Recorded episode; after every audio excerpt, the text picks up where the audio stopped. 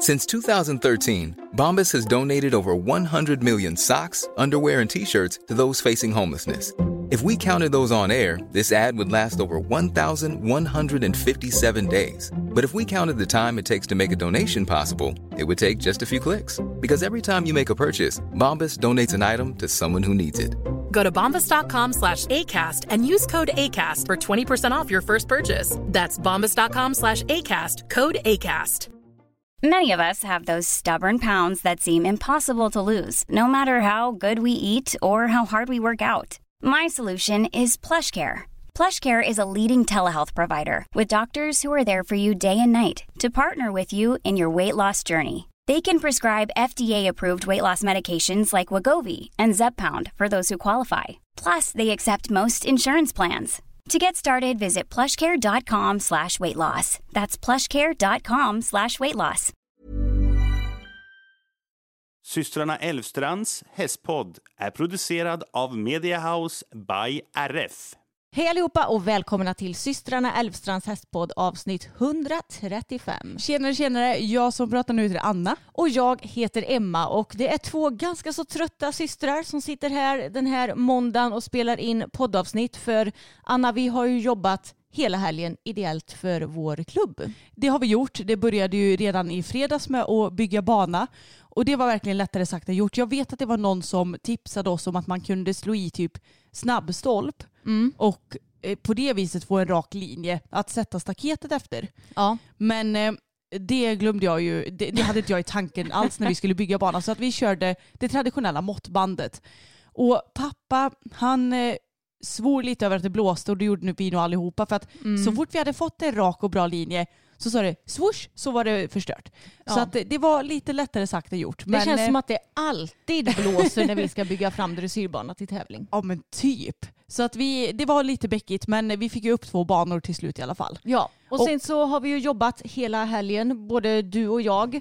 Och det blev ju så att du fick hoppa in och vara tävlingsledare för första gången. Ja det stämmer bra det. Eh, Våran eh, ordinarie tävlingsledare hon gick och blev sjuk. Mm. Eller hon har varit sjuk hela veckan eh, snarare som var. Så att eh, hon sa att om inte jag hinner bli frisk Anna kan du ta tävlingsledarrollen då? Och jag bara ja det, det får väl gå då tänkte jag. Men dressyr har jag hyfsad koll på faktiskt när det kommer till det administrativa. När, man inte täv eller när man tävlar själv och kanske inte är så engagerad i att hjälpa till på tävlingar så vet man kanske inte riktigt om hur mycket bakom kulisserna som det faktiskt är. Nej. Men förutom att hålla på och lägga in resultat, stryka folk och göra sånt så är det ju väldigt mycket inför tävling som ska fixas. Mm. Och sånt har ju tack och lov våran ordinarie tävlingsledare löst. Ja. För det har jag ingen koll på. Nej. Det här med att göra startlistor och allt nej, sånt där. Liksom. nej, hela ekip är väl lite av en djungel skulle jag säga. Lite så. Men det är ju tur att jag ändå kan lite av det. Ja, det kan du. Och du har ju tävlat mycket själv också så du vet ju lite. Ja. Du, du har ju bra koll skulle jag säga. Och dessutom så har ju både du och jag varit med och arrangerat tävlingar sedan vi var typ tio år. Så Så vi har ju ändå lite erfarenhet, det får vi ju säga. Så tävlingsledare var jag. I lördag så var det ponnytävlingar och då var det Ja men det, det är ju väldigt kul att se ponnysarna. Det var en ryttare som red sin allra första tävling bland annat. Ja. Som var urgullig och jag tycker det är så kul när man ser så att ja men det här är debuten och vi är så nöjda och glada. Och ja, det, man blir glad av sånt. ja, verkligen. Och det är så himla fina ponnyer också som var med. Ja. Och det var ju dessutom distriktsmästerskap den här helgen. Så att eh, det avgjordes ju också. Men när det kommer till ponny, den största stressen jag hade det var att det var så många prisutdelningar. Ja, För att det är ju många olika klasser när man eh, väl anordnar tävling tänkte jag säga. För det är lika bra att erbjuda många olika personer att kunna komma och tävla. Och då när det är ponny så är det ju liksom, ja men först så kanske det är lätt C1. Då är det kategori B, C och D som ska få pris där. Och sen är det lätt B1 och då är det kategori B, C och D där. Så att det är så himla många prisutdelningar och grejer. Så det var min största, inte stress, men eh, som jag var tvungen att hålla koll på under den dagen. ja. Så, men det löste sig bra. Och det är så skönt att man kan teama ihop med någon som man jobbar med också. Ja, precis. Och jag var domarsekreterare på Mm. den här ponnytävlingen och det gick jättebra. Jag satt med en eh, ja, men jättebra domare så vi pratade mycket och det är väldigt nyttigt att vara domarsekreterare för man kan ju se hur de bedömer och vilka betyg som ges och sådär. Sen så är det klart att man hinner ju absolut inte se 100 procent. Man kanske hinner se, ja, jag skulle säga mellan 30 till 50 procent av ritten för sen sitter man ju och skriver. Och vissa punkter går det ju mycket snabbare än andra och inte. Men jag tycker ändå att man hinner se så pass mycket att man hinner lära sig någonting av det hela. Ja, och man kanske ändå får en uppfattning av ekipaget i fråga, eller? Ja, exakt. Och jag kommer att tänka på, på den här ponnytävlingen.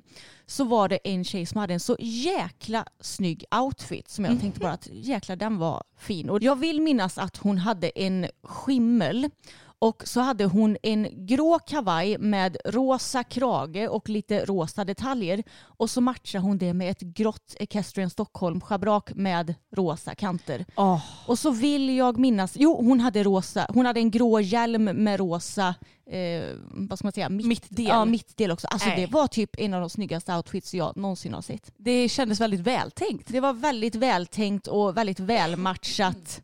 Ja, nej alltså det var så jäkla snyggt. Ja, det är roligt. Man får ju lite inspiration. Och på hästsidan så var det några som hade gröna kavajer när de tävlade. Och det tycker jag också är kul att det är lite annat än bara marinblått och svart. Ja. Och eventuellt någon brun kavaj här och där. Ja, Så det är lite kul att se sånt också. Mm. Men på söndag var det som sagt hästtävling och då dömdes det ju ända upp till medelsvår A. Mm. Och då kanske man inte hinner se riktigt lika mycket som 30-50% Nej. av ritten. det skulle jag inte tro. Nej, men vi har ju inte skrivit. Har du skrivit medelsvår Nej, B va? ja, jag har skrivit upp till medelsvår B tror jag. Så medelsvår A har jag inte skrivit. Nej. Och nu på hästtävlingen, då var det ju också DM för storhäst. Då, eh, då fick jag förhandla till mig så jag fick sitta och vara speaker då istället för domarsekreterare. För det var ju några andra som var sugna på att vara det och då, då, då kände jag att ja men då kan jag väl vara speaker då. Ja, det var några andra som var sugna på att skriva. Ja, och jag exakt. Tänkte att du hade ju skrivit hela lördagen. Så att då kanske du ändå var fine med att sitta uppe och spika. Ja, det som var skönt med att sitta där uppe det var att man slapp frysa i alla fall. Ja men det är det som är så svårt. Nu är det ju ändå september. Det är inte jättekallt än. Nej. Men blåser det lite och så sitter man still i en transport eller lastbil som vi hade som domarbås. Det blir ju kallt. Ja, det blev lite kyligt. Ja. Men eh, det gick faktiskt bra för mig att spika. Jag var lite stressad innan för tävlingen gick ju på dubbla banor och då ska man hålla koll på båda banorna när de börjar och när de slutar, vilka man ska ropa in och så vidare. Men jag tycker att det gick bra och du och den speakern från dagen innan hade gjort ett tidsschema så det, det var liksom lätt för mig att veta när jag skulle ja, men, prata till prisutdelning och när jag skulle prata ja, till klassen och sådär. Så jag tycker ändå det gick bra. Jag fick beröm av eh, ja, men, både överdomaren och andra funktionärer att jag gjorde det bra så jag kände mig ändå nöjd med mitt jobb. Ja, och jag som tävlingsledare. jag. Nej men jag tyckte du gjorde det jättebra. Ja, vad bra. Ja och när man är speaker så är det inte alltid så lätt. Speciellt när det är dressyr och dubbla banor. För att ja, men dels så är det ju det här med hästnamn. Det är inte alltid det är jättelätt att förstå sig på vad de heter. Nej. Speciellt inte ponnysar för de har alltid massa konstiga irländska namn oftast när det är Ja, hoppning jo. framförallt. Eh, Men sen så är det också, jag vet att jag var speaker på en dressyrtävling när det var ponny. Så kom det in en häst på ena banan, jag hade presenterat den på bortre banan, skulle presentera på närmsta banan. Och bara, för då hade jag lite information, man får ju startlistor utskrivna med vilka som rider man har ju starttider i dressyr. Ja. Så då var ju klockan, säg att den var 13.02. Så då såg jag ju namnet på ryttaren och hästen. Men så stod det att hästen var skäck. Och jag bara, men det här måste ju vara skimmel för det var så himla mycket vitt på hästen. Och så insåg jag sen, för då bara, ah, nej det måste vara den ryttaren för då var det ju skimmel efter den som stod som skäck. Ja. Så då presenterade jag först skäcken, sen skimmen och sen insåg jag att den hade ju brunt på både benen och en stor brun fläck på magen på andra sidan. Så bara, förlåt det var visst så att då blev det ju jättetokigt och Ja. då kände jag bara, gud var bara tyst Anna. Jag tror att, det är inte så att ryttaren bara, nej men jag heter inte det, utan man rider ju ändå typ. Mm. Ja, så att eh, ibland så är det lite svårt att vara speaker. Ja, det är det. Och eh, på söndagen också när det var hästtävling, då fick du bekänna lite färg som tävlingsledare. För du sa ju det att du hade varit lite nervös innan för du har ju som sagt aldrig varit tävlingsledare och du var lite stressad över hur allt skulle gå. Och nu på den här tävlingen så skedde ju någonting som ja, men varken vi eller någon ryttare eller någon överdomare eller domare som var på plats som vi pratat med hade varit med om tidigare. Mm, precis, för att i ena klassen så dök domaren inte upp. Mm. Och då visade det sig att ja, men den här domaren helt hade missat att den stod uppskriven på det här programmet. Mm. Eh, och det är ju sånt som aldrig har hänt tidigare. Nej. Och jag blev superstressad förstås. Det blev vi allihopa som höll i tävlingen. Mm. Eh, och jag bara, hur fan löser vi det här? Ja. Alltså på riktigt, vad gör vi? Mm. Och det är ju såklart att det sabbar ju tidsschemat också för vi hade ju en klass på samma bana efter den här klassen. Och det, jag bara, vad gör vi? Vad gör vi? Vad Mm. gör vi? Försökte rota runt i hjärnan. Och då ringde vi runt till diverse domare för att försöka få tag på någon annan med kort Mm. varsel. Men dels så svarade inte domarna Mm. eller så var de upptagna med annat så att det var ingen som kunde komma istället. Nej. Men så till slut så fick vi inse att vi får helt enkelt flytta klassen. Fyra timmar blev det. Ja. Och att vi fick ta en av domarna som redan var på tävlingen. Ja. Och då löste sig det hela. Men det var ju verkligen en stress innan vi fick det på plats. Ja. Att det skulle lösa sig på det viset. Mm. Precis. Så ja, det, det var en pers. Och Ja. jag kände bara det är klart som tusan att något sånt här ska hända. När jag som är helt grön med att vara tävlingsledare är tävlingsledare. Ja, men jag tycker ändå att du och vår klubb gjorde det bästa av situationen. För det, ja, det finns ju inte så mycket att göra. Det går ju i princip inte att ringa in någon annan domare. För som du säger, de är väl upptagna med annat, har andra upptag eller har något annat som de ska göra själva. Och ja, det, det blev som det blev. Men vi gjorde det bra tycker jag. Ja, alltså det är ju väldigt svårt när det blir en situation som aldrig har hänt tidigare. För att då har man ingenting att luta sig mot heller. Nej. Vet man om att det hänt tidigare, ja men hur löste den klubben det? Men vi, vi hade ju inget sånt att luta oss mot. Nej, Så exakt. att det var ju såklart tråkigt att det blev som det blev men eh, ja, vad ska man säga? Shit happens. Ja, exakt. Och jag tror att eh, ifall du själv har varit med och anordnat tävlingar så kanske du blir lite ödmjuk över att sånt här kan hända också. Mm. Jag menar, hade, säg att vi hade åkt iväg till någon klubb och det här hade hänt. Då hade ju vi förstått det att ja men shit happens Mm. liksom. Och klubben gör säkerligen sitt bästa för att lösa den situationen. Ja det är klart, jag hade ju såklart blivit besviken. Bara, ja här hade jag ställt mig in på att få tävla men eh, ja, det är ju sånt som kan hända. Mm. Force majeure blev det för vår klubb kan man ju säga. Lite så. Ja, nej men du löste det superbra och jag tänker att det kanske ska vara intressant för er lyssnare att eh, ja men ibland så sker sånt här och det kan vara sådana vad ska man säga, man får vara lösningsorienterad när man ska jobba med tävlingar för att lösa diverse problem när man har ordnat tävlingar.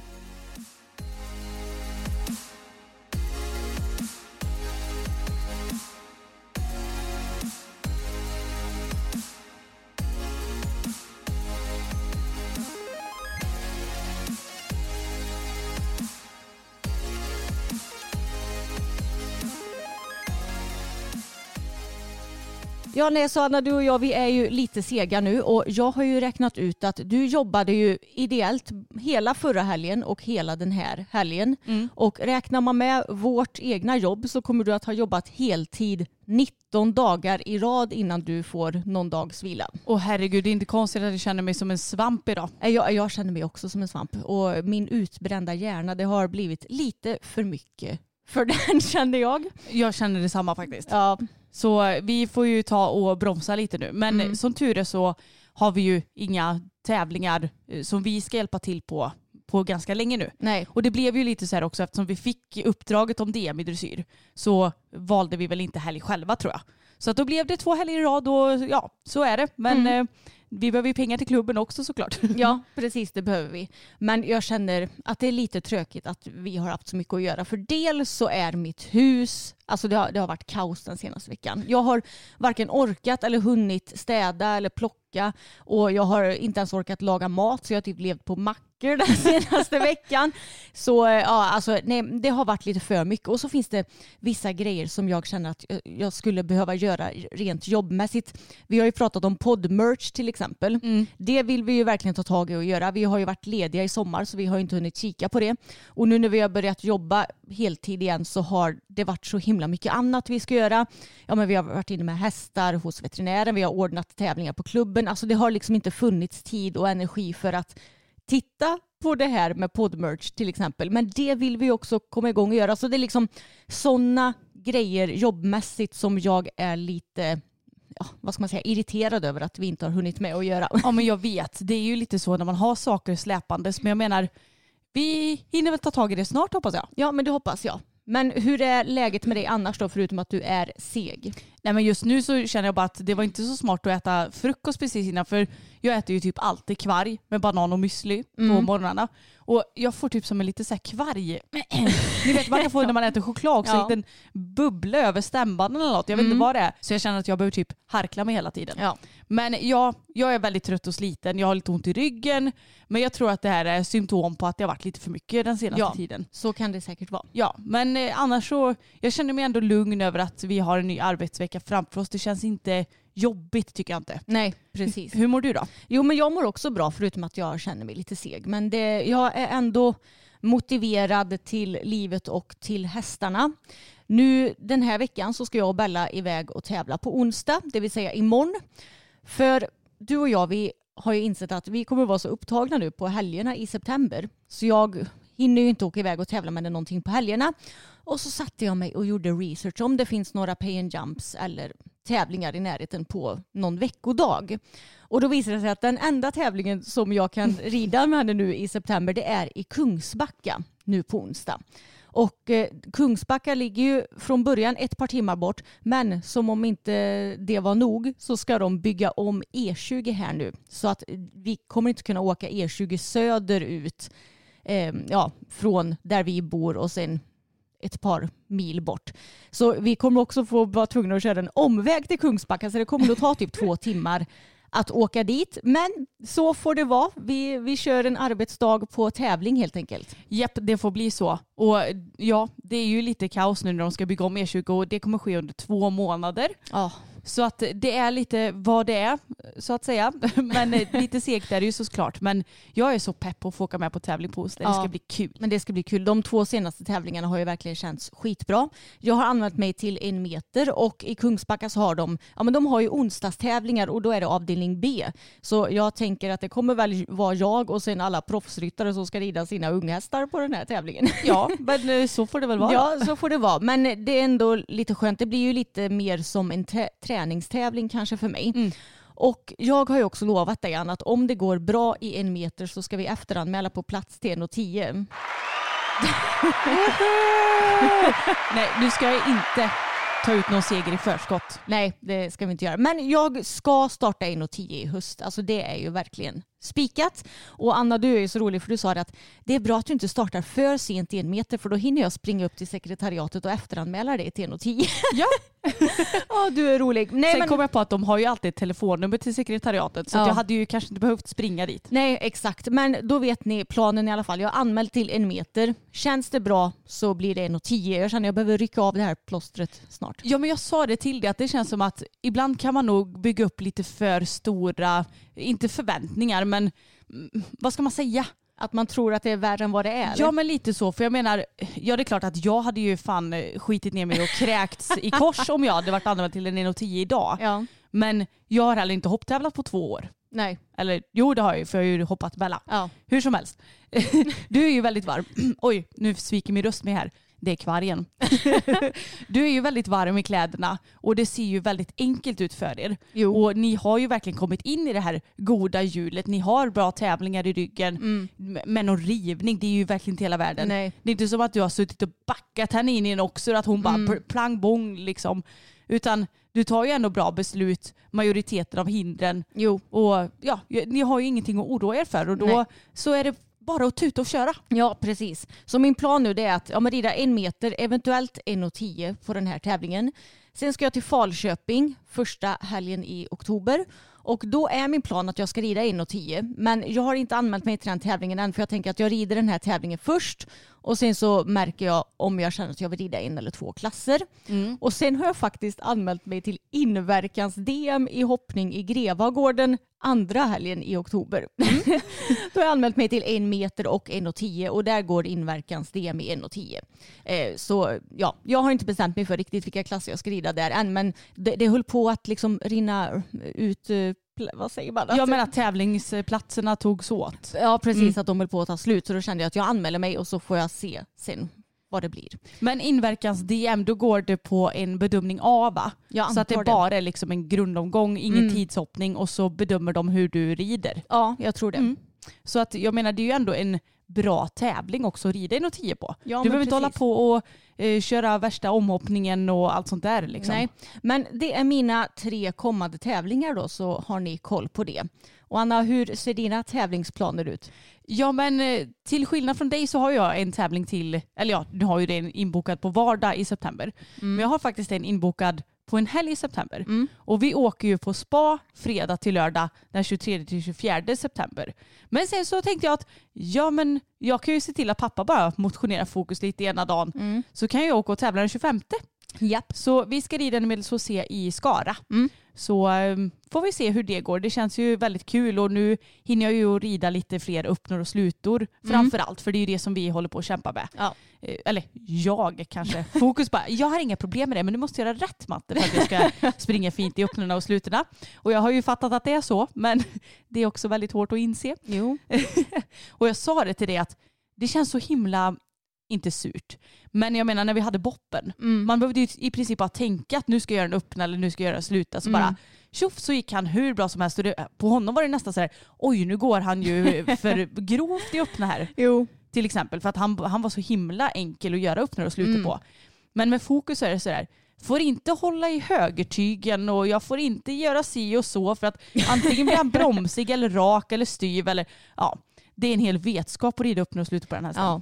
Ja, men alltså boppen var ju så himla ridbar så det mesta var ju väldigt enkelt med honom. Ja, och till skillnad från Fokus så var ju inte Boppen en stel planka när vi köpte honom heller. Nej precis, Fokus kunde ju liksom inte röra sig en millimeter sidvärtes när vi köpte honom. Nej, alltså han kunde varken göra skänkelvikning eller öppnor och slutor när vi köpte Nej. honom. Det var sådär, man bara kan du snälla gå åt sidan? Han bara "Uh, uh, uh." Nej, det kan jag inte. Vad vill du? Vad gör jag? Jag kan inte. Nej. Men nu så tränade vi ju dressyr i onsdags för Johan och då fick du ju jättebra hjälp med öppnorna som du väl har haft ändå lite mer bekymmer med än slutorna va? Ja, men jag har ju naturligt svårare för öppnor än slutor. Ja men jag tycker också att öppna är nog svårare än sluta. Så, och det kanske många tycker. Men eh, alltså ni fick ju jätte, jättefint flyt i dem. Han Mm. har ju blivit så bromsig i dem tidigare men nu fick du så himla fint flyt och han bara flöt på. Och det är ju det domarna vill se. De vill ju se en ordentlig framåtbjudning i, ja men egentligen både i öppnorna och slutorna. Och då måste man ju rida på rätt sätt för att man ska få till det. Ja, och det är ju så svårt för att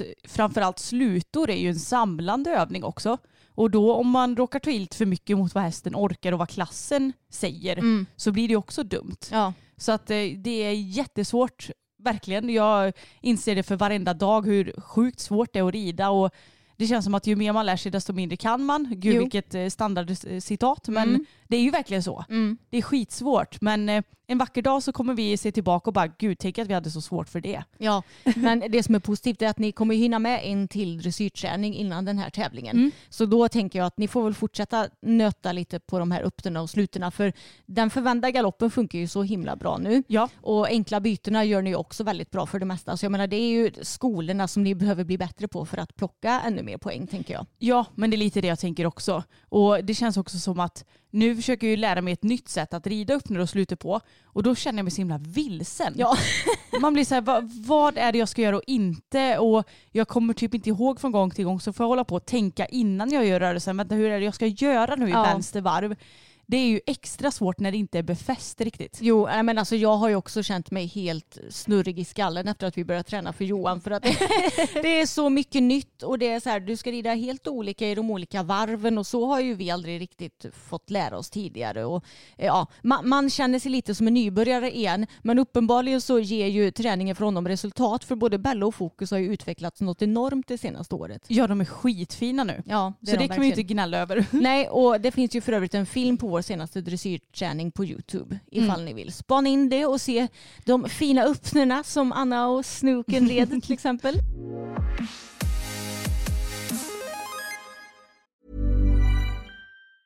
Normally, being a little extra can be a bit much, but when it comes to healthcare, it pays to be extra.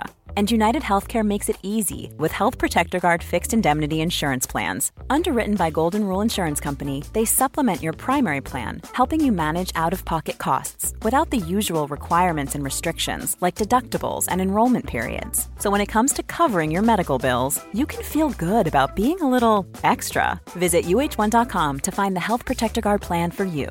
Many of us have those stubborn pounds that seem impossible to lose, no matter how good we eat or how hard we work out. My solution is PlushCare. PlushCare is a leading telehealth provider with doctors who are there for you day and night to partner with you in your weight loss journey. They can prescribe FDA-approved weight loss medications like Wagovi and Zepbound for those who qualify. Plus, they accept most insurance plans. To get started, visit plushcare.com slash weight loss. That's plushcare.com slash weight loss.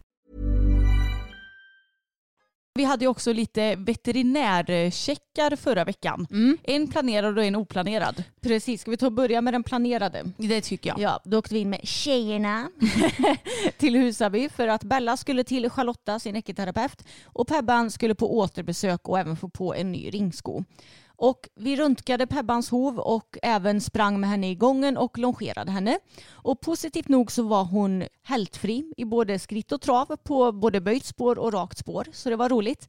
Och när vi röntgade så såg vi att ja, men läkningen den går enligt prognosen. Ja, som förväntat. Ja, den går som förväntat men det är fortfarande, alltså det är fortfarande tid kvar för frakturen att läka helt och hållet.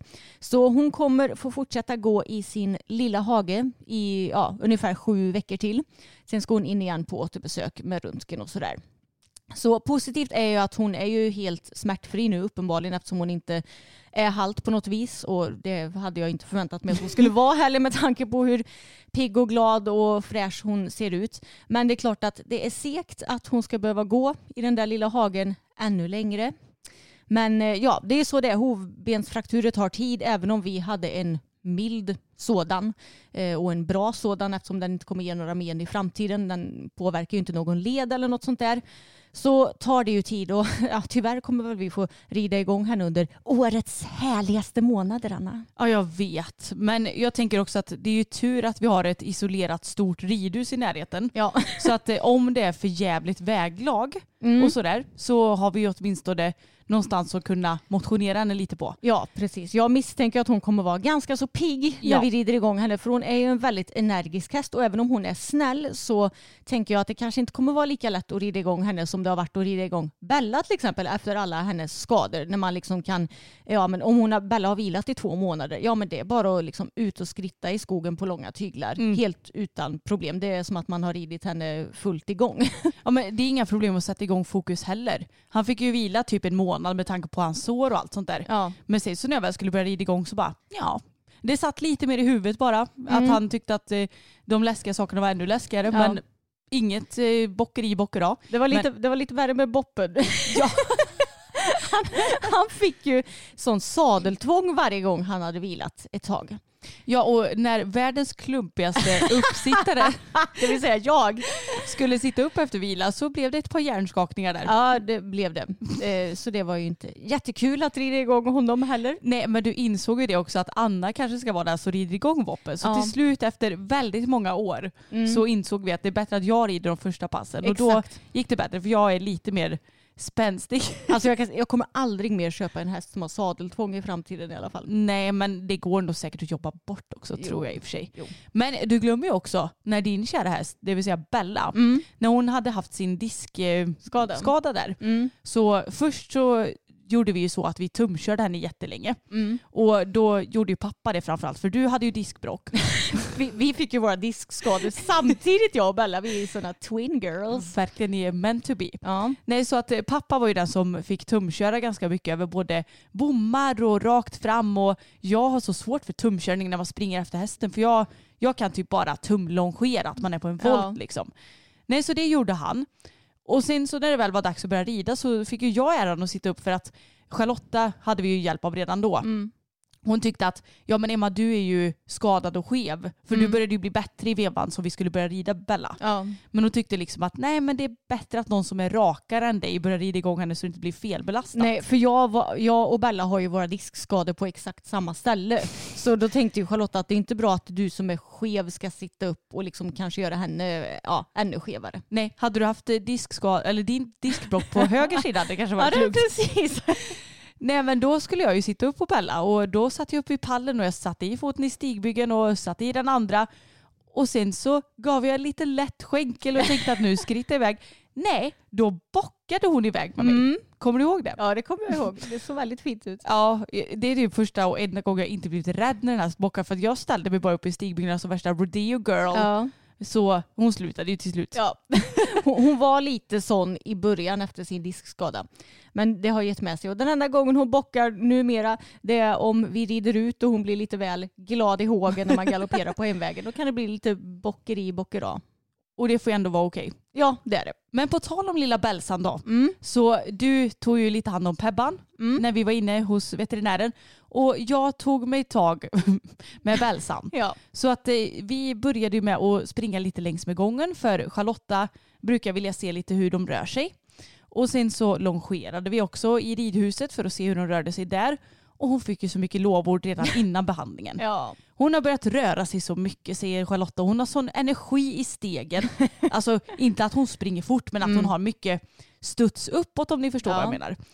Och att hon, hon har ju inte optimal benställning. Nej. Hon är ju inåttåad. Mm. Men Charlotta sa det när hon springer så vinklar hon ut tårna så att hon faktiskt är rak. Mm. Och sätter ner dem rakt också. Ja. Så hon löser lite det själv Mm. under tiden som hon jobbar men när hon står så står hon ju som en anka typ. ja, exakt. Eller ankor kanske i och för sig tvärtom. Men sen så behandlade Charlotta henne och Bella är ju världens sötaste häst. Mm. För att jag har aldrig sett en häst som visar så mycket som hon gör. Nej. Och det är samma sak, eh, Charlotta skulle korrigera henne lite i manken. För där fastnar hon ju ganska ofta. Ja. Så då så gör man som så att man tar fram hästen en liten bit och sen så medan man backar hästen så gör Charlotta någonting med manken. Mm. Och hon är inte ens svår att få backa för dels för att hon fattar själv Ja, att så här, ja. ja men nu ska jag backa så Charlotta kan fixa med det här. Mm. Hon är så häftig den där hästen. Mm. Och nej men hon fick så mycket lovord, hon var väldigt rörlig, hon har fått mycket rörlighet i bogarna och ja, hon fick 10 av 10 helt enkelt. Det var Ja. inte mycket att fixa på henne idag. Nej. Eller idag, i torsdags. Härligt. Och hon är ju egentligen en ganska så orörlig häst från början men hon har ju blivit mycket mer rörlig med åren. Ja, Så det är jätteroligt. Hon eh, blir bara bättre och bättre. jajamän. Mm. Men det är kul för jag har ju tyckt att hon har känts skitfin i ridningen det senaste och det bekräftar ju också lite att hon är så pass fin i kroppen nu. Så jag tänker det är bara att träna vidare så eh, ska nog det här bli toppen och eh, så tänker jag att så länge hon inte kommer skada sig än, vilket vi ju verkligen får hoppas att hon inte gör nu när vi har kommit igång så fint, så tänker jag att jag rider ordentligt liksom, ja, fram till vintern och då kanske hon får, får lite halvvila, precis som förra året, att man bara trappar ner lite grann på ridningen. Ja, för Charlotta sa det att eh, håll gärna igång nu. Mm. Hon är ju ändå en vuxen häst och hon mår bra av att röra sig så att hon håller sig rörlig och fräsch i kroppen.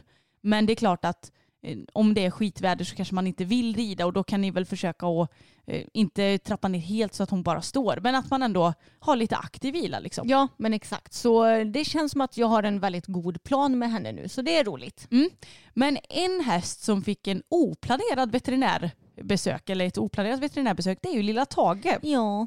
Vi skulle i måndags, var det när vi skulle rida de andra två? ja, vi skulle rida med Sigrid i måndags. Just det, det var så det Mm. var. Och så gick vi ut och jag bara, men gud vi behöver nog sätta på Tage en flughuva för han stod och viftade lite med huvudet. Så då sa jag till Emma, gå och hämta grimman så går jag till Tage. Och sen bara, men Emma, ser du hans ben? Mm. Det var så himla svullet. Det var från framknät och ner till hoven så var det som en jämn tjock stock Ja. hela benet. Och så såg det så märkligt ut för det var som, eh, det såg nästan ut som att man hade trampat i lera eller Ja. någonting för att det var helt täckt med brunt och jag bara, alltså vad fan har du gjort? Mm. Och då tog vi in och bara tvättade av benet försiktigt och insåg att det här är ju sårvätska. Mm. Det är ju ingen lera eller någonting för då hade det ju bara varit att spola av. Ja. Och det var ju dessutom inte blött ute så det hade ju inte, vart hade han hittat en lerpöl liksom? Exakt. Och han var ju givetvis väldigt halt då också i traven. Inte i skritten, Nej. men i trav så haltade han ganska mycket. Så att då ringde jag ut distriktsveterinären som eh, kom ja, men ett par timmar senare.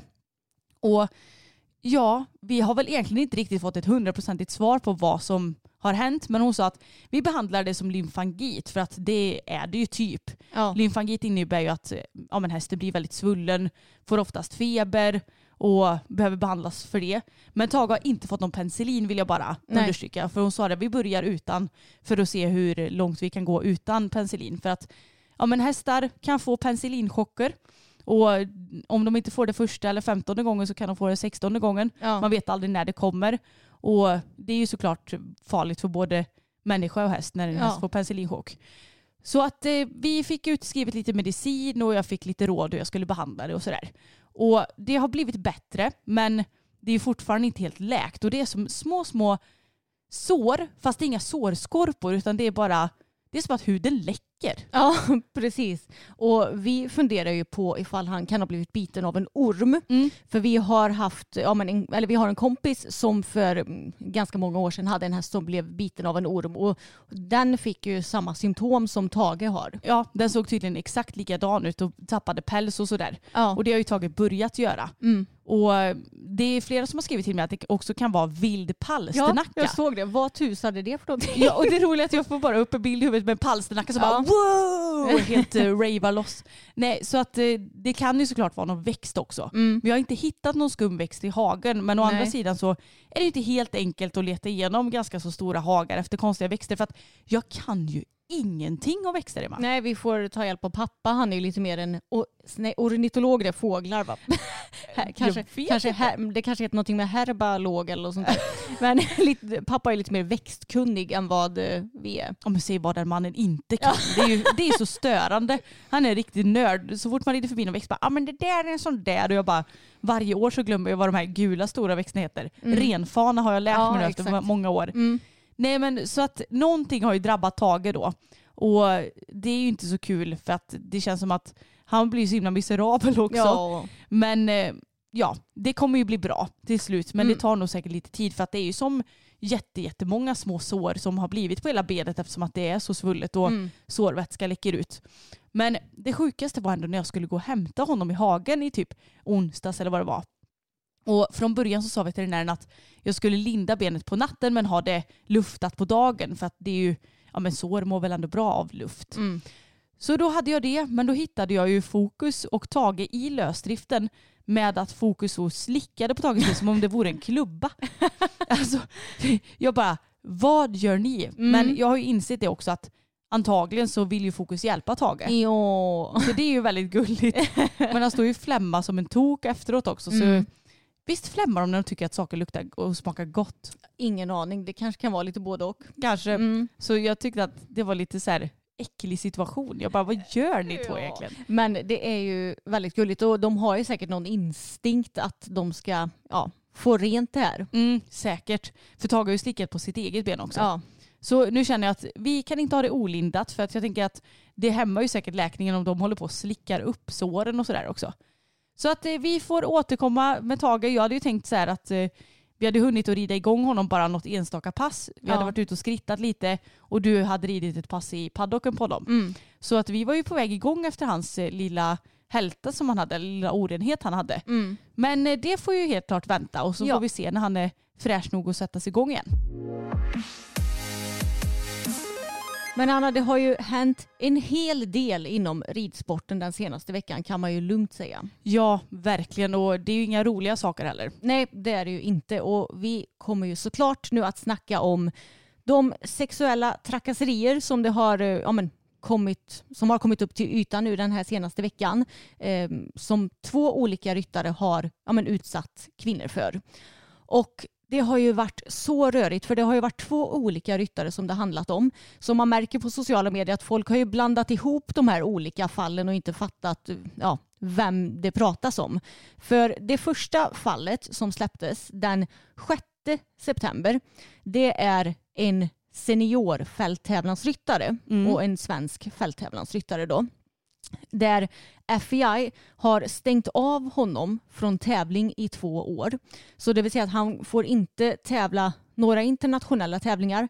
Han får inte rida några nationella tävlingar i Sverige heller.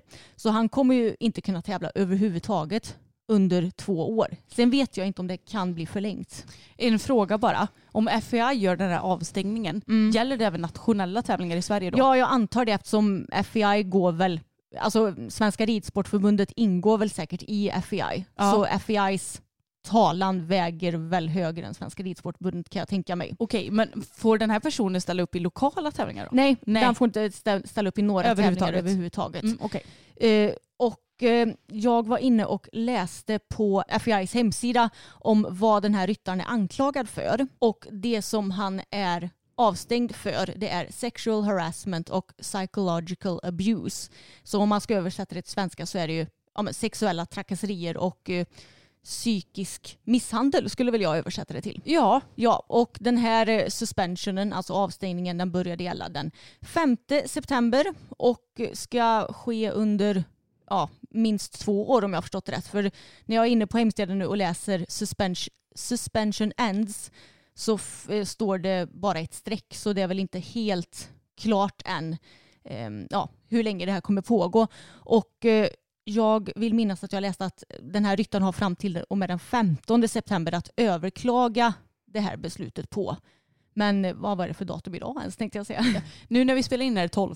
Ja, Mm. precis. Så, då är det bara några dagar bort. Då kanske det blir en mer slutgiltig dom efter det då kanske. Ja, men det kan det säkert vara. Men eh, som det ser ut nu så kommer han vara avstängd i minst två år i alla fall från all tävling. Och jag tycker det är väldigt bra att FEI har tagit tag i det här ordentligt. Och min tanke det är att det finns säkert många som tycker att två år antingen är för lite eller för mycket. Men jag tänker att om du jobbar som ryttare och tävlingsryttare så är ju två år väldigt mycket. För du kommer ju inte kunna tjäna några pengar på att tävla. Och med tanke på vad du är anklagad för så kommer du med största sannolikhet att bli av med sponsorer. Du kommer kanske bli av med elever. Folk kommer mm, kanske inte vilja jobba hos dig. Jag tänker att det blir väldigt svårt att tjäna pengar på ditt jobb överhuvudtaget. Ja, och jag tänker också att om ryttaren nu i fråga typ tar emot eh, hästägares hästar också, Ja. att man rider andras hästar för egen vinning, Mm. då kommer ju det att strypas också med största sannolikhet. Ja, exakt. Så jag tror ju att det känns som att det borde bli väldigt svårt för den här personen att kunna jobba med hästar på samma sätt igen i framtiden. Får man ju verkligen hoppas i alla fall Mm. att inte det här bara glöms bort om några år. Men eh, ja, så jag tycker ju att det är ändå en bra åtgärd för att det kommer påverka honom väldigt mycket och att han kommer få ett ordentligt straff Mm. för det som han har utsatt de här personerna för. Ja, jag tycker det är skitbra. Men samtidigt kan jag inte låta bli att undra varför FBI inte kan komma till åtgärder när det handlar om hästmisshandel också. Ja, Alltså djurmisshandel. mm. När det kommer till Beerbaum som vi pratade om till ja exempel. precis. Att så här, nej men du får fortsätta att tävla för du har ju bara skadat en häst. Ja, Typ. Precis. Eh, Jag, jag tycker att det är klart som tusan att man ska ta sexuella trakasserier med största allvar men det borde vi också göra för hästarnas välfärd. Mm. Och SVT Sport intervjuade Andrea Bart från Svenska Ridsportförbundet i och med att den här nyheten kom ut. Och eh, enligt henne så har eh, ja, förbundet också fått anmälningar om den här ryttaren till sig. Men att juridiska utskottet inte har hunnit sammanträda under sommaren. Och eh, det är då därför som inte förbundets utredning är i fas med FEIs enligt henne. Eh, ja, så, så säger hon om det. Okej så de har haft semester typ och då inte hunnit och Ja, det verkar som det. Ja. Men också när jag, alltså, ja, när det sker sådana här händelser så brukar jag försöka läsa eh, ganska mycket vad det står på ja, men dels olika Facebook-kommentarer. Jag har varit inne och läst eh, en del på Flashback också. Och ja, Flashback är ju då kanske inte en trovärdig källa, eh, ska vi tillägga. Nej det är verkligen så. Men det verkar ju som, när man har läst diverse olika kommentarer, att det som den här ryttaren har gjort har varit känt sedan länge. Okej. Och att eh, ja, men, folk har anmält det här till Ridsportförbundet inte bara under sommaren utan att det säkerligen har skett lång tid innan dess. Oh. Och att det har varit lite allmänt känt vad han har gjort för ja, men till exempel personer som har jobbat för honom då, verkar Mm. det som. Eh, och jag vet att i senare intervjuer så säger Ulf Brumster att eh, ja, det här var ju helt nya nyheter för dem. Men vad tråkigt om det Mm. nu faktiskt är så att folk har anmält det under längre tid. Ja, men det är ju som med Svenska Ridsportförbundet att de, de försöker ju hela tiden få sig själva att framstå som, bättre dagar. Ja, precis. I Mm. bättre dagar. Okej, men nu tänkte jag ta och försöka fortsätta med den här kronologiska ordningen här på Hipsons artikelarkiv så att jag ändå ska ta det lite grann i rätt ordning. Och dagen därpå, alltså efter att den här första nyheten kom ut, så den 7 september så kom det ut en ny artikel om att en ungdomsryttare stängs av i sex månader. Och detta efter utredning om händelser som rör olämpligt beteende och sexuella trakasserier. Så det här är ju två olika ryttare som sagt, men folk har ju blandat ihop de här. Ja det är kanske inte så konstigt med tanke på att ny nyheterna kommer ju väldigt tätt också. Ja, exakt. Mm. Och den här ryttaren ska ju då ha utsatt en del yngre tjejer för sexuella trakasserier och har av Svenska Ridsportförbundet blivit avstängd från landslagsuppdrag i sex månader. Och Andrea Bart säger att det är ett hedersuppdrag att vara landslagsryttare vilket innebär ett extra ansvar. Något som också framgår tydligt av våra landslagsavtal. Våra landslagsryttare är viktiga ambassadörer och förebilder för vår sport. Sexuella trakasserier hör inte hemma i ridsporten eller någon annanstans. Och det här är ju en enorm skillnad i bestraffning jämfört med det som eh, alltså den bestraffningen som FEI hade mot fälttävlansryttaren. Mm. För den här ungdomsryttaren är ju bara avstängd från landslagsuppdrag i ett halvår och det här är ju då från september till februari blir det väl, antar jag. Men då är det väl inte ens några tävlingar direkt? Nej, eller? jag tänkte säga det att det är inga mästerskap under den här tiden.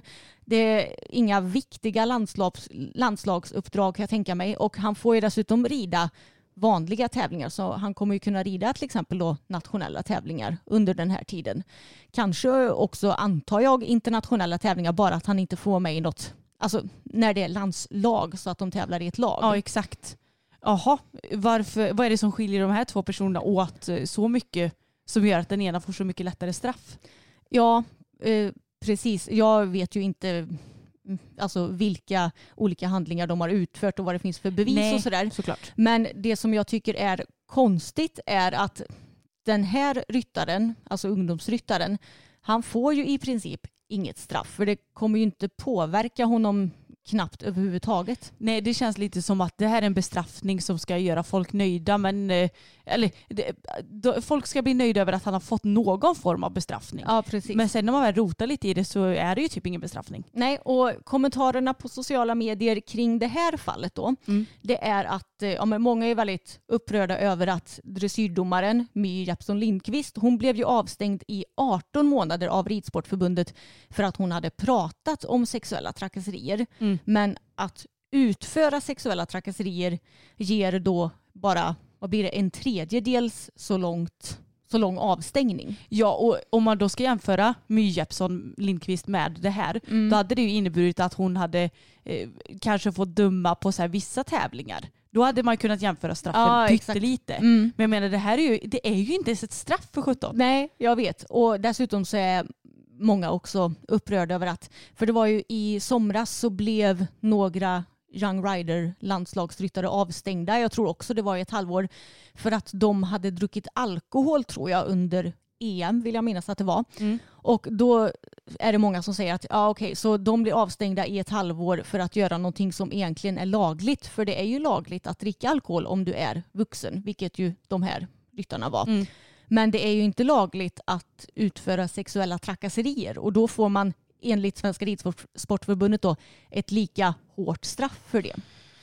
Åh, det är jag vet inte också- vad jag ska säga ens alltså. Det är bara väldigt, väldigt ologiskt tycker jag. Mm. Ja och sen tycker jag ju verkligen inte att man ska hålla på och dricka alkohol under tiden som man jobbar med, eller grejer med hästar och har tävlingar och sånt där. Nej. Men som du säger, det är ju fortfarande lagligt. Ja, det är två helt olika grejer. Mm. Och när det kommer till ja, men alkohol och droger så tänker jag att det borde ju inte vara så svårt att lösa det. Att man får till exempel blåsa eh, samma dag som man ska tävla. Ja. Och ifall du blåser 0,0, ja men då är du redo att starta. Är det inte så i, inom travet att du ska blåsa? Jo jag vill minnas det. Jag vill också minnas det. Eh, ja, men jag menar blåskontroller varje, på varje morgon. Ja precis, då blir, hade det inte blivit något tjafs om det hela tänker jag. Och Eller hur? Det är en väldigt enkel åtgärd. Och jag menar, jag tycker också det, ja, jag, jag fattar inte riktigt varför de ska bli avstängda men jag menar, jag tror ju knappast att alla seniorryttare, de dricker säkert kanske någon öl eller något glas vin på kvällen utan att det blir något tjafs om det. Det tror jag säkert. Och på grund av de här två fallen då så ordnade Svenska Ridsportförbundet en presskonferens på torsdagen för att prata om det här. Så det tänker jag prata lite om nu och den här informationen kommer också ifrån Hipsons hemsida. Och det hela börjar med att Ulf Brumster, alltså ordföranden i Svenska Ridsportförbundet, säger att sexuella trakasserier är helt oacceptabelt och ska bort från ridsporten. Och han berättar också att en skrivning är på gång vad gäller förhållandet mellan tränare och elev. Men när det är på plats vet han inte bestämt, förhoppningsvis före årsskiftet. Och det här har vi ju snackat om tidigare i podden om att eh, ja, men många kvinnor i beroendeställning, unga kvinnor då, blir utnyttjade av sina manliga eh, tränare till exempel. Mm. Och det är ju ett stort problem inom ridsporten som har varit känt länge. Så att det ska dröja liksom till nu innan man gör något vettigt åt det, det är ju helt sjukt för det första. Ja, så då håller de på att skriva typ regler om det här då? Ja, jag tror det. Mm. Det, det, borde ju inte behövas egentligen, men eh, män är ju män, så tyvärr, det behövs. Och eh, under den här eh, presskonferensen så kan jag tänka mig att journalisterna frågar ja, men varför FEI han tar beslutet om fälttävlansryttaren innan Svenska Ridsportförbundet och att de kanske konfronterar Svenska Ridsportförbundet med det.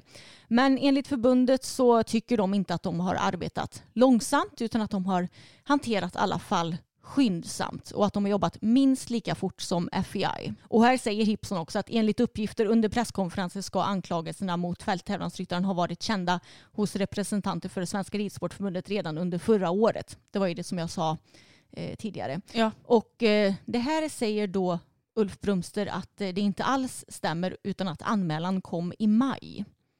Så det är också, det klingar inte riktigt rätt tycker jag det här. Och folk verkar också tycka att det har tagit lång tid för ja, Svenska Ridsportförbundet att få fram åtgärder när det kommer till ungdomsryttaren. Men då säger ju Ulf Brumster att det får ta den tid det tar så att man ska få ett väl grundat beslut. Och sen så säger de, pratar de också om att det inte finns någon tydlig straffskala. Nej, det har vi förstått. Ja, precis. Eh, och frågan som ställs så är det likställt att dricka alkohol när man har åldern inne och det är alltså lagligt och att begå sexuella övergrepp vilket är straffbart. Och eh, den frågan kunde ju då Ulf Brumster inte svara på utan han gav bara ett retoriskt svar. Vad tycker du var hans kommentar? Men snälla eller? Jag vet är helt galet. Och här gjordes det också jämförelsen med My Jeppsson Lindqvists fall hos journalisterna då, antar jag. Jo, men alltså, jag förstår ju att saker och ting, när det blir problem, att det är svårt att lösa saker på noll och inga sekunder. Ja. Jag fattar att det tar tid och jag fattar att det är diskutabelt. Men det känns som att ja, de påstår att de har arbetat med det här ett tag. Men tycker de verkligen att deras beslut är riktigt? Ja. Om man jämför med både med Jeppsson Lindqvist och även de som drack alkohol. Ja, exakt. Det är konstigt. Och Andrea Bart säger att den här avstängningen på sex månader för ungdomsryttaren kan komma att förlängas och att det ska omprövas längre fram. Och att straffen som utfärdas kan tyckas vara något godtyckliga skyller Ulf Brumster på brist på rutin. Och det här är ju ett roligt citat från honom. Vi har inte haft särskilt många fall av den här arten. Vi lär under resans gång. Vi får lära utav det här. Man bara, vad då inte haft speciellt många fall? Alltså, sexuella övergrepp inom ridsporten är ju otroligt vanligt och något som alla vet att det sker. Så ja. det är klart som tusen att de har haft många fall av det. Och sen så ifrågasätts det också att den här ungdomsryttaren han får ju fortsätta tävla som vanligt. Och eh, då frågar de Ulf Brumster om det är rimligt. Men det kan han inte heller svara på utan han säger en jättebra fråga. Är det rimligt? Att, att han ställer frågan tillbaks. Men det, det här... Det är tur han inte är politiker för då hade han aldrig pallat med de här riksdagsdebatterna. Verkligen inte. Riksdagsdebatterna heter inte, ni fattar. Riksdags... typ eh, partiledardebatterna. Exakt, det var mm. det jag menade. Som sagt, min hjärna är lite mosig idag. Jo. Och eh, till slut så avslutas ju då den här presskonferensen efter 45 minuter och då var det också många på kö att ställa ytterligare frågor till Ulf Brumster då. Och då avslutade han presskonferensen för att han hade bråttom iväg till ett annat event. Ja. ja, så han orkade inte med mer frågor kan vi ju kanske Nej. tolka in det lite som. Ja, men det får man väl ändå tolka in det som. Och ja, alltså Svenska Ridsportförbundet det blir ju bara mer och mer som något jäkla clownförbund för varje dag som går känns det som. Ja, men vi måste ta det här på allvar. Mm. Nej, jag, jag, tycker bara det är så märkligt och som sagt också otroligt märkligt att FEI att straffskalan enligt FEI och Ridsportförbundet verkar vara så extremt olika. Ja. Och FEI verkar också vara snabbare med att ja, ta beslut inom det. Och jag, jag kan tycka lite också att om nu Svenska Ridsportförbundet inte haft så här många fall om det här och inte har någon riktig grund att gå på. Ja men uppenbarligen har ju FEI det så då kanske man kan skicka dem ett mejl och fråga hur de hade gjort med det här. Men det vill de väl inte för då kanske det hade blivit ett betydligt hårdare straff. Jag vet Ja, inte. Nej, nej det, det är helt sjukt det som har skett nu Mm. den senaste veckan och det är jättebra att så många reagerar i sociala medier och det är många som tycker att Svenska Ridsportförbundet ska avgå eller att med, vad ska man säga, styrelsen ska avgå, att det behövs en ny ordförande. Ja, det har man ju tyckt ett tag kanske. Så ja, det, det, det är bara tragikomik på hög nivå tycker jag det där förbundet. Ja, men jag tycker bara det är så ledsamt för jag tänker de som har drabbats av det här sexuella trakasserierna. Det kan ju inte, vilket straff i världen kanske inte känns tillräckligt när man har blivit utsatt. Nej. Men det här måste ju verkligen kännas som en fis i rymden. Ja, verkligen. Ja, men det är väl det som har hunnit komma ut i de här fallen fram tills idag när vi spelar in podden. Så får vi se om det blir någon uppdatering nästa vecka eller kanske veckan därpå om det kommer ut mer information. Mm. Men Hipson kan vi ju verkligen slå ett slag för, för den tidningen, eller den hemsidan, det är ju verkligen Ja men det är högt och lågt. Det är allt från tips till sådana här lite mer allvarsamma artiklar. Så vill man hålla koll på Hästsverige så är ju Hipson den tidningen som man verkligen ska följa. Ja, Tidningen Ridsport är också väldigt bra. ja det, det finns väldigt bra information att hitta helt klart. Ja, och vi som poddare tycker att det är väldigt bra att det finns så bra tidningar som vi kan ha lite content kring också för den Exakt. delen såklart. En klubb i vår närhet kommer ju faktiskt att ha en eh, väldigt rolig demotävling tror jag de kallar det för. Va? Ja. Där de kommer ha dressyrtävling där lättridning är tillåtet. Ja. Visst var det i lätt B-klasser? ja, jag tror kanske till och med det var lätt C och lätt Lätt C och lätt B-klasser. B. Mm. Och det känns ju väldigt spännande. Eh, Falköping är klubben för er Mm. som kanske vill dit och prova om eh, ni är som Emma och känner att det där med nedsittning inte riktigt är för mig. Som väldigt tråkigt är, är ju det samma dag som du eventuellt tävlar DM då. Ja precis, det var samma dag som inverkans-DM tyvärr. Annars hade jag lätt åkt dit och ridit någon lätt B-klass. För Du hade lätt åkt dit och ridit lätt. Lätt. Exakt. Ja, det, det är ju tråkigt att Bella är så fruktansvärt jobbig att sitta ner på i traven för hon är ju så himla fin i dressyren annars. Mm. Och jag känner ju det, när jag rider dressyr på henne och ska sitta ner i traven då får jag lägga 99 procent av min energi på att bara liksom kunna sitta ner och då tappar man ju som ni förstår typ 99 procent av all ridning till det övriga. Så att kunna rida lätt på tävling, jag tror det hade underlättat väldigt mycket för mig. Jag hade nog eh, kunnat få betydligt mer poäng eftersom hela ekipaget hade blivit mer balanserat och harmoniskt tänker jag. Mm. Hon hade fått bättre framåtbjudning. Ja, men vi hade liksom varit ett gladare ekipage tror jag. Eh, inte lika kämpigt. Sen så har ju vi absolut inte fått dåliga poäng när vi tävlar dressyr utan tvärtom så har vi ju en hel del placeringar i de dressyrstarter vi har gjort. Men jag tror att det hade blivit ännu bättre om vi fått rida lätt. Och jag tycker det är kul att det testas nya grejer och jag tror ändå att det finns en efterfrågan för lättridningsklasser i speciellt då lättare klasser. Ja, och jag tänker också att det är så himla bra. Dels om man är lite nybörjare på det här med dressyr, kanske inte riktigt fått till lättridningen än, eller för unghästar. Ja, exakt. Det är ju skitbra för jag menar det är ju många unghästar som, ja men jag vet när man rider så här fyraårsprogram, då är det nog lättridning Ja, tror jag. Men jag menar om du tävlar en fyraårig häst på banan, då är det ju nedsittning som gäller. Precis. Men jag menar det finns ju fyraåringar som kanske inte riktigt har balansen eller styrkan för att man ska Mm. sitta ner i sadeln hela programmet. Så att då är det skitbra om man kan få välja eller om det kanske är så där att det här är lätt C1 lättridning och det här är lätt C1 nedsittning. Jag vet Mm. inte.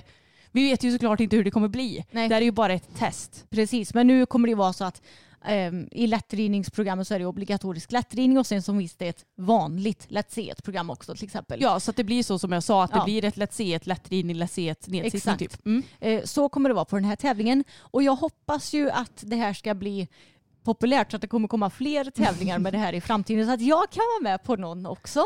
Hade jag väldigt gärna varit. Så jag tycker det är jättekul med nya idéer, idéer och ifall ni bor kring Västergötland och kanske precis som mig tycker att det här med nedsittning inte är det roligaste som finns i världen så får vi tips om att Falköping har tävlingar med lätt C och lätt B-klasser med lättridning den 8 oktober. Ja, och jag kan tänka mig att det också kan gynna ja men säg hoppryttare som kanske inte heller Mm. är sådär jättesugna på att hålla på och träna på en massa nedsittning i traven och sådär. Mm. Och som kanske ändå känner att ja men det hade varit kul med någon dressyrtävling lite då och då. Ja, exakt. Så det ska bli jättespännande att se vad det blir för utslag på detta. Mm, att man kan nå ut till lite nya målgrupper kanske. Ja men jag tänker det. Yes, men det var allt för dagens avsnitt hörni. Tack för att ni har lyssnat återigen och tack för att ni alltid är väldigt engagerade. Ni tipsar ju om massa saker som vi kan prata om i podden och det är ju väldigt många som har skickat just artiklarna kring det här med sexuella övergreppen. Ja, precis. Det är alltid väldigt tacksamt att få tips på det som vi ska snacka om. Och ifall vi inte har pratat om ert ämne än så kan det också hända att vi har skrivit upp det i mobilen och att det ligger lite på lager så att säga. Exakt, för ibland så hinner vi ju inte med att prata om allt som vi tänkt. Men det finns ju ganska mycket att prata om när man heter Emma och Anna Elfstrand. Ja, det är ju som sagt, det har jag sagt många gånger, men det är sjukt att vi är två systrar som ses jämt och ändå har över en timmes poddavsnitt nästan jämt. Ja, jag vet. Det är lite galet faktiskt. Ja, men ni får det världsbäst hörni så hörs vi igen i nästa avsnitt. Det gör vi. Hej då! Planning for your next trip? Elevate your travel style with Quince. Quince has all the jet setting essentials you'll want for your next getaway, like European linen, premium luggage options, buttery soft Italian leather bags, and so much more. And is all priced at 50 to 80% less than similar brands. Plus, Quince only works with factories that use safe and ethical manufacturing practices. Pack your bags with high-quality essentials you'll be wearing for vacations to come with Quince. Go to quince.com slash pack for free shipping and 365-day returns. Normally, being a little extra might be a bit much, but not when it comes to healthcare. That's why United Healthcare's Health Protector Guard fixed indemnity insurance plans, underwritten by Golden Rule Insurance Company, supplement your primary plan so you manage out-of-pocket costs. Learn more at uh1.com.